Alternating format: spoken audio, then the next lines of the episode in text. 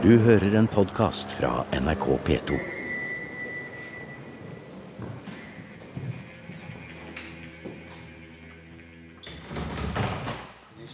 scattistene robe per il contrasporta. Io gettano ti magazzinato Den serbiske tvangsarbeideren Kristo Zoric forteller sin historie fra Norge under krigen. 20 år gammel ble han vilkårlig tatt til fange i en razzia i Kroatia i 1943. Han ble sendt til Norge og tvunget til å arbeide i gruvene i Mår i Telemark. I en periode også som matros på en båt som seila langs kysten. Han endte opp på en smie på Skaugum. Bildet av ham henger i et monter på utstillingen, og vi hører stemmen hans. Zoric er en av de mange titusener med samme skjebne. Han eh, overlevde og har vært på besøk i Norge bare for få år siden.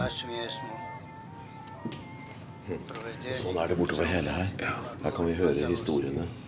Så dette er jo Alle, alle disse forteller om, om altså, transporten gjennom Europa, deportasjonen fra sine hjemland. altså Enten har de vært soldater, eller så har de vært altså Mange av disse var jo 15-16 år ikke sant, når de ble tatt uh, av tyske soldater og ført ut uh, gjennom Tyskland. Og endte da i, i uh, Norge. Er det arkivet som har ført dem til dere?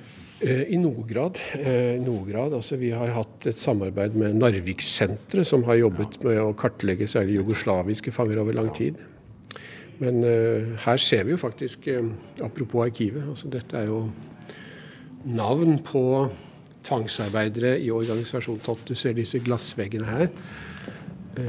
På denne veggen, den første veggen, så er det norske Kjetil Hjelme Andersen er førstekonservator ved Norsk Teknisk Museum og kurator for utstillingen Gråsravn. Han har de siste årene forsket på det norske arkivet etter Hitlers entreprenørselskap Organisation TOT oppkalt etter ingeniøren Fritz Tott. Det var han som planla og bygget autobanesystemet i Tyskland. Organisasjonen var pålagt store oppgaver i Norge. Jeg har da vært i en sånn privilegert posisjon her. Jeg har da Hei, Joe. Har jo i dette prosjektet både vært forsker og kurator. Og dette startet jo som et forskningsprosjekt ved at vi, vi, vi fikk tilgang til dette nye, store arkivet etter organisasjon TOT, som ble åpnet i 2011. 440 meter med, med dokumenter.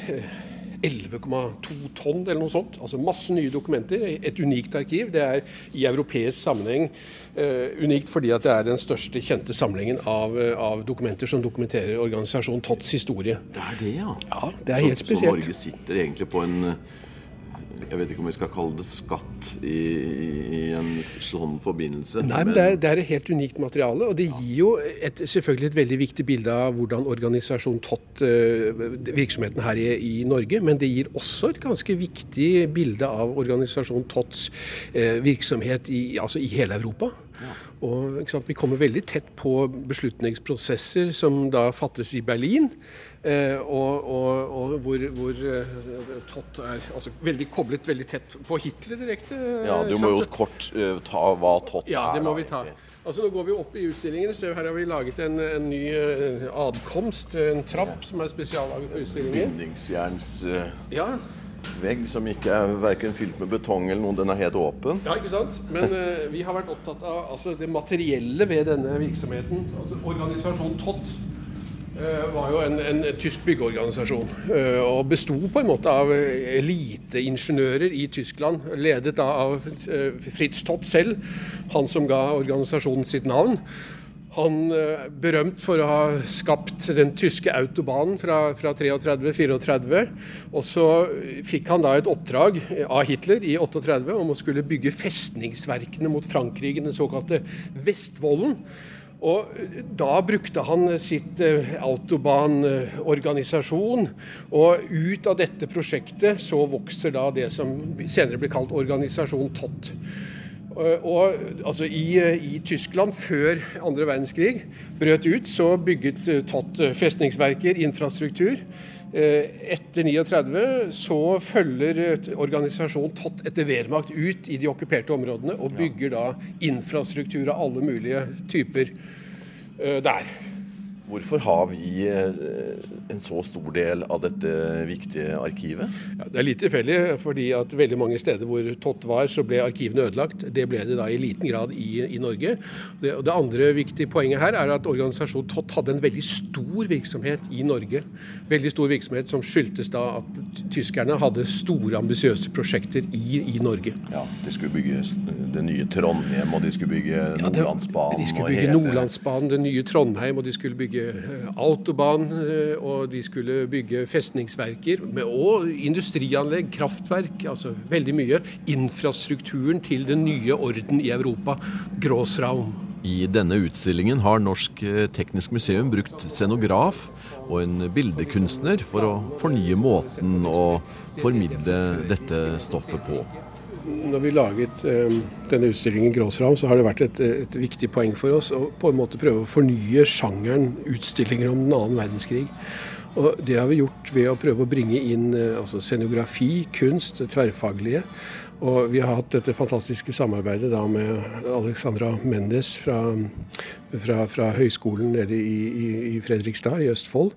Eh, og det har vært veldig viktig, en veldig viktig del av dette arbeidet. Og, og prøve å ta scenografi, kunst, inn i utstillingen. og vi, vi, har forsøkt å, å, åpne opp dette temaet. Altså dette, dette, er jo vanskelige fortellinger, det er basert på tyske kilder. Men vi har forsøkt liksom å, å, å, komme under huden på disse narrativene, på, på, dokumentene, på historiene.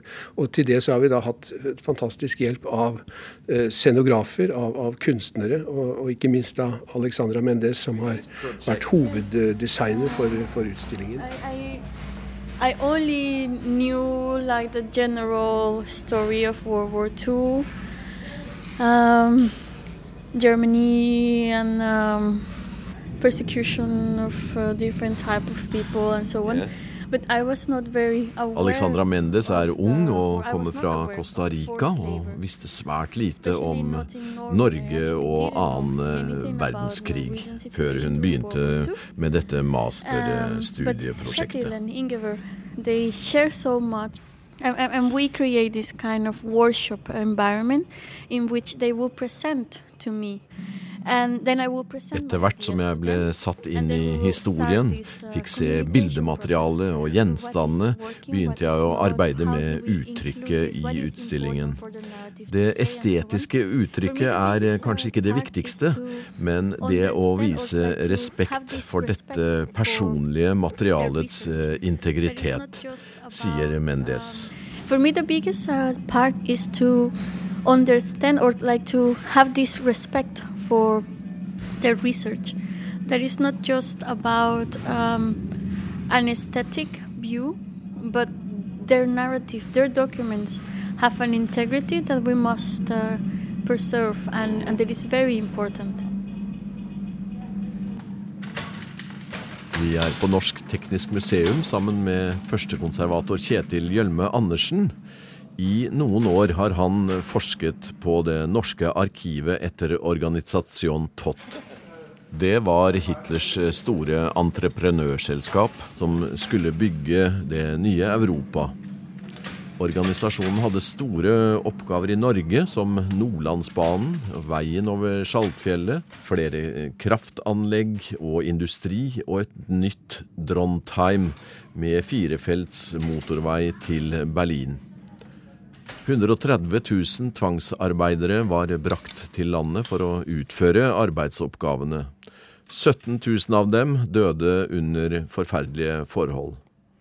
Materialet er nå samlet i utstillingen Gråsraum, og ved inngangen til utstillingen blir publikum møtt av en kunstnerisk installasjon bestående av rustne, velbrukte spader som henger i en bevegelig mekanisk anordning fra taket. Det er lyden av spadene vi nå hører, og kunstner Eirik Audunsson Skaar forklarer. Egentlig så er det jo sånn at det, det, man ser, er jo spadene, men det man også ser for sitt indre øye, er vel kanskje de som brukte dem. Eh, og de blir veldig tydelige fordi spadene beveger seg. Eh, og det er også sånn at spadene drives av noe annet. De er en slags marionetter, på en måte. Eh, og så er det energien som ligger i den bevegelsen med at de løftes opp og slippes ned. Det, er, det, er, det kan ses på forskjellige måter. Det, enten så er det sånn at de våkner til liv, eller så er det sånn at energien ebber ut. Så det har liksom det, Jeg har tenkt at det skal ha flere mulige eh, Det kan være flere mulige måter å oppleve og se dette på, selvfølgelig.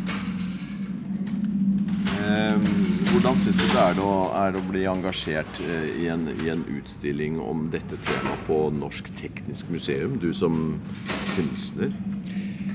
Jeg er jo veldig takknemlig for at eh, Teknisk Museum og Kjetil har eh, tatt meg med på dette her. Eh, det er jo det som kalles tverrfaglighet. og det er helt konkret tverrfaglighet, ikke bare et sånt slagord på på nettsiden til en institusjon, men dette er tverrfaglighet i praksis. da. Og jeg er veldig glad og takknemlig for at jeg fikk lov å være med på dette her. Hvor har du fått tak i spadene fra? De spadene hørte jeg om når jeg jobbet med et prosjekt i Nordland av en lokalhistoriker. Eh, og de ble funnet i veikanten på Saltfjellet, på toppen av Saltfjellet i 1945 utenfor en eh, tidligere krigsfangeleir. Så ble de lagret eh, og egentlig glemt i 40-50 eh, år før de eh, kom litt frem i lyset igjen. Og så er dette første gangen da at et såpass stort antall av dem settes sammen på en sånn måte som har gjort. da. Og hvor selve spadene får lov å fortelle litt av sin egen historie gjennom å bevege seg og, og på en måte levendegjøre da, den funksjonen de hadde. Jeg jobbet jo tidligere som journalist, og så utdannet jeg meg innenfor billedkunst. Og så det jeg driver med, er jo på en måte en blanding av de to fagene, egentlig. Og eh, jeg var tidlig veldig, på studiet også veldig opptatt av hva kunstnerne, hvilken rolle de har i forhold til det å minnes en krig. Og kunstnere har eh, sånn historisk sett eh, hatt oppgaven med å bekrefte den offisielle versjonen av hva som skjedde under krigen, da, for å si det sånn. Men hele den utstillingen her og den delen av vår norske krigshistorie viser jo at de historiske faktaene ikke nødvendigvis eh, stemmer helt overens med den kollektive versjonen av hva som skjedde. Og det syns jeg også er kunstneres oppgave, å se kritisk på historien på den måten. Og det er jo det jeg prøver å gjøre. Nå, nå har vi egentlig bare sett på planene og det, liksom, sett på det, liksom, det, det, det, forføreriske ved Det tredje riket. Nå eh, kommer vi til et punkt i utstillingen hvor det hele dreier, altså hvor vi nå plutselig skal konfronteres med realitetene bak disse planene. Ja. Men du, her ser det nesten litt uh, Her henger det uh, tøy ned. Jeg vet ikke hva slags eh, stoff. Men det, det, virker som en barriere på meg, i hvert fall. Ja, dette er liksom eh, omdreiningspunktet i utstillingen. Her ser vi, Nå går vi inn i en slags sånn nesten skog. Det henger ned noen eh, altså, tekstiler som er nesten gjennomsiktige. Og på disse tekstilene så er det projisert marsjerende krigsfanger. Det ser man ikke, så, men når man går gjennom det så Hvis, nå, hvis vi beveger oss inn i denne skogen ja så ser du tydeligere og tydeligere at du ja, ser at det er ansikter, at det er mennesker. Og dette er altså dette er veldig spesielt, for det, dette er eh, altså autentiske opptak da, av, i farger til og med. Vi ser det tydeligere når vi stopper her nå. Oi, se her, du. Så dette er fangene som ble tatt du, det av Det var en rar opplevelse å oppdage hva det var. Ja the, the concept of the whole uh, spatial element is what I call how much do you want to see. We are very used to being presented with information wide openly. Anything that you want to see Min idé med å vise denne sterke filmen av marsjerende fanger så diffust, er at vi faktisk må spørre oss selv om vi vil stoppe opp og velge å se den, sier scenograf Alexandra Mendes. Five seconds and you move to the next one. Um, so then my idea for this space it is the opposite. Narrative and elements are never given to you as an open thing. You must make a decision of seeing the stuff, of stopping moving your body. Dette er, Dette er jo er et veldig viktig element, fordi det er jo krigen mot Sovjetunionen, altså denne såkalte operasjon Barbarossa, det mest destruktive krigen i menneskehetens historie. Og de krigsfangene som blir tatt i denne sammenhengen, som jo er rekrutteringsbasen til organisasjonen TOT bl.a. Derfor er det et veldig viktig element å vise altså, hvor Uh, altså hvor viktig dette, altså denne hendelsen, angrepet på Sovjetunionen, hvor viktig den var. Det ble jo tatt uh, 5,7 uh, millioner krigsfanger til sammen. og, og altså ca. 3,3 omkom da i tysk fangenskap. Dette er enorme dimensjoner på tragediene som dette, som dette var. Men i vår sammenheng så er det altså da viktig å få med at, at dette ble rekrutteringsbasen til organisasjonen TOT. 50 000 sovjetiske krigsfanger endte i Norge øh, og i oppdrag for organisasjonen TOT.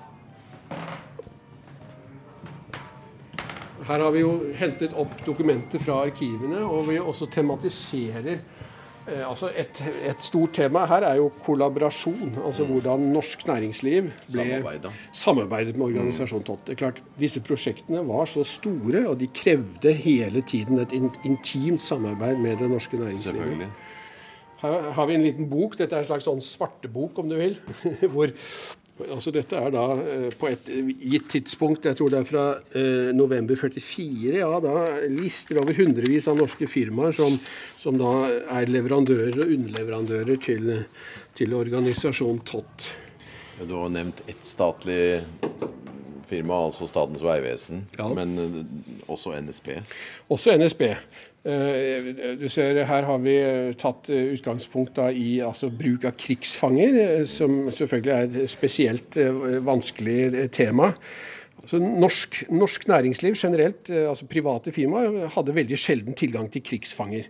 Eh, den aktøren på norsk side som har det, er altså eh, første rekke Statens vegvesen. Der var det et veldig tett samarbeid, og Statens vegvesen brukte, så hadde en form for arbeidsgiveransvar om du vil, for, for krigsfanger. Med NSB så er det mye mer sammensatt. og Der har det vel vært eh, kommet fram, liksom, altså blitt presentert forestillinger om at NSB var en form for pådriver for å bruke krigsfanger i, i Norge.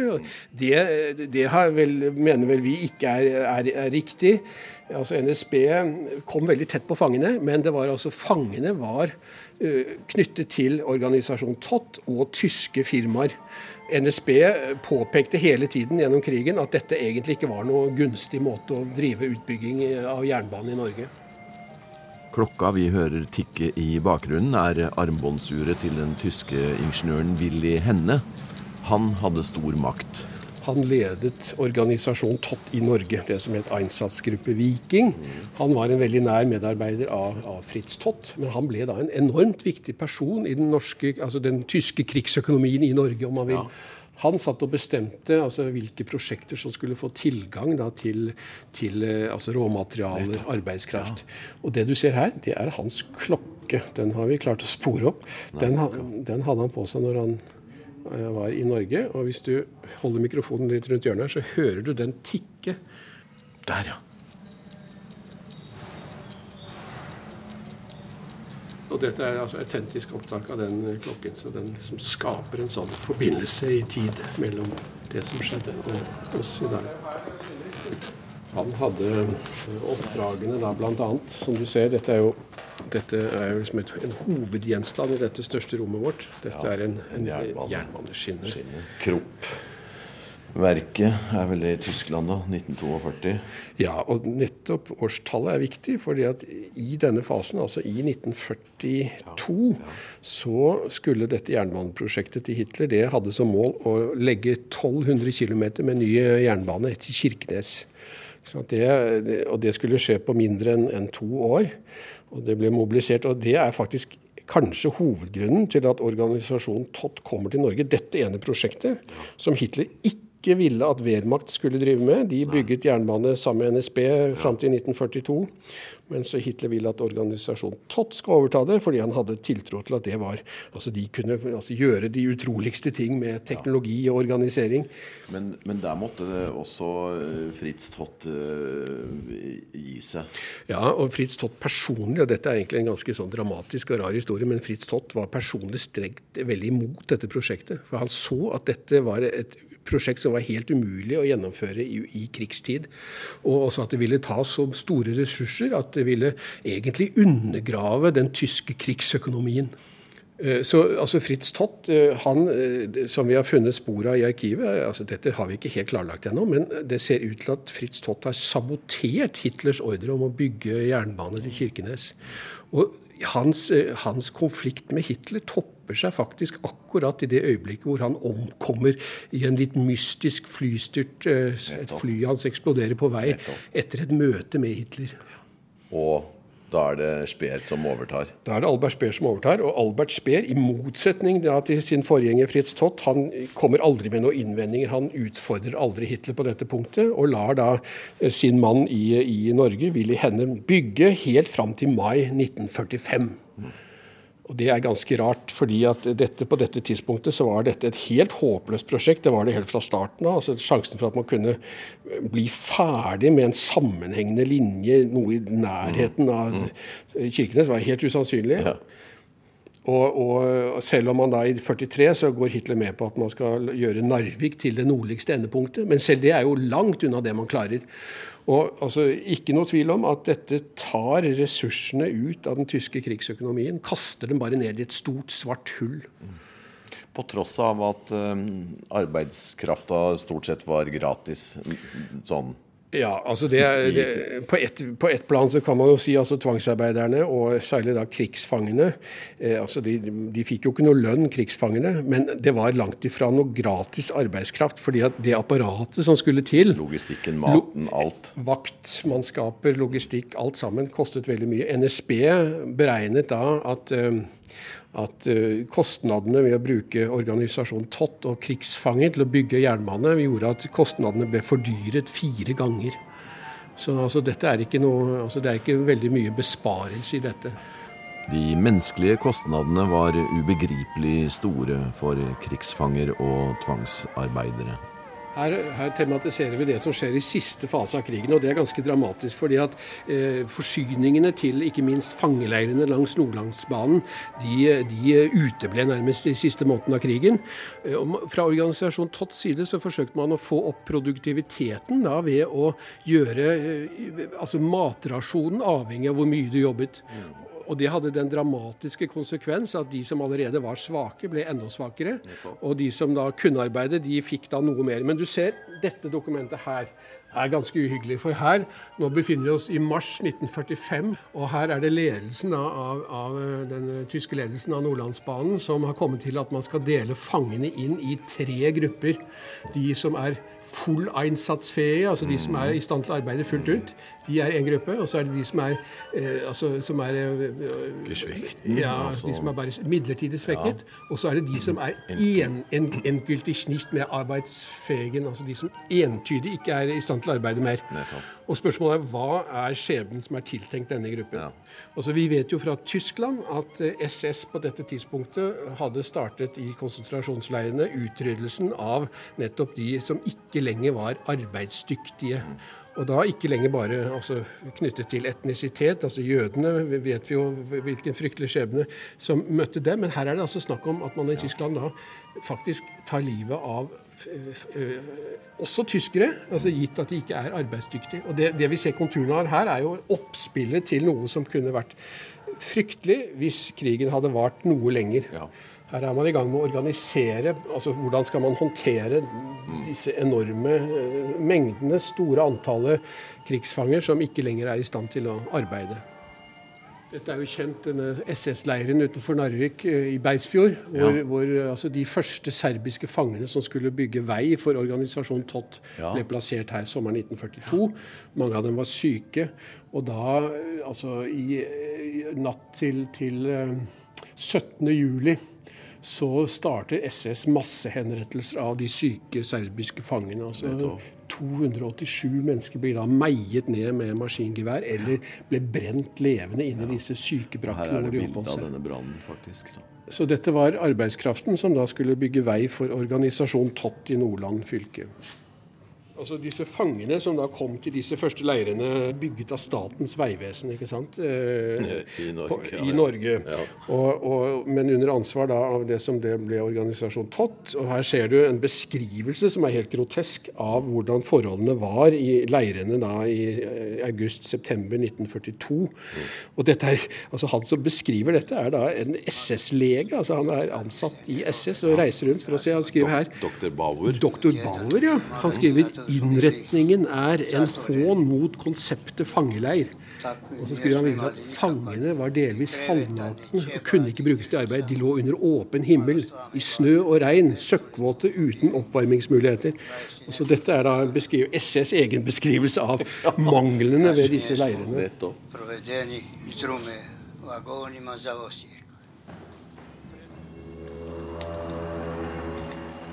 Du har hørt en podkast fra NRK P2.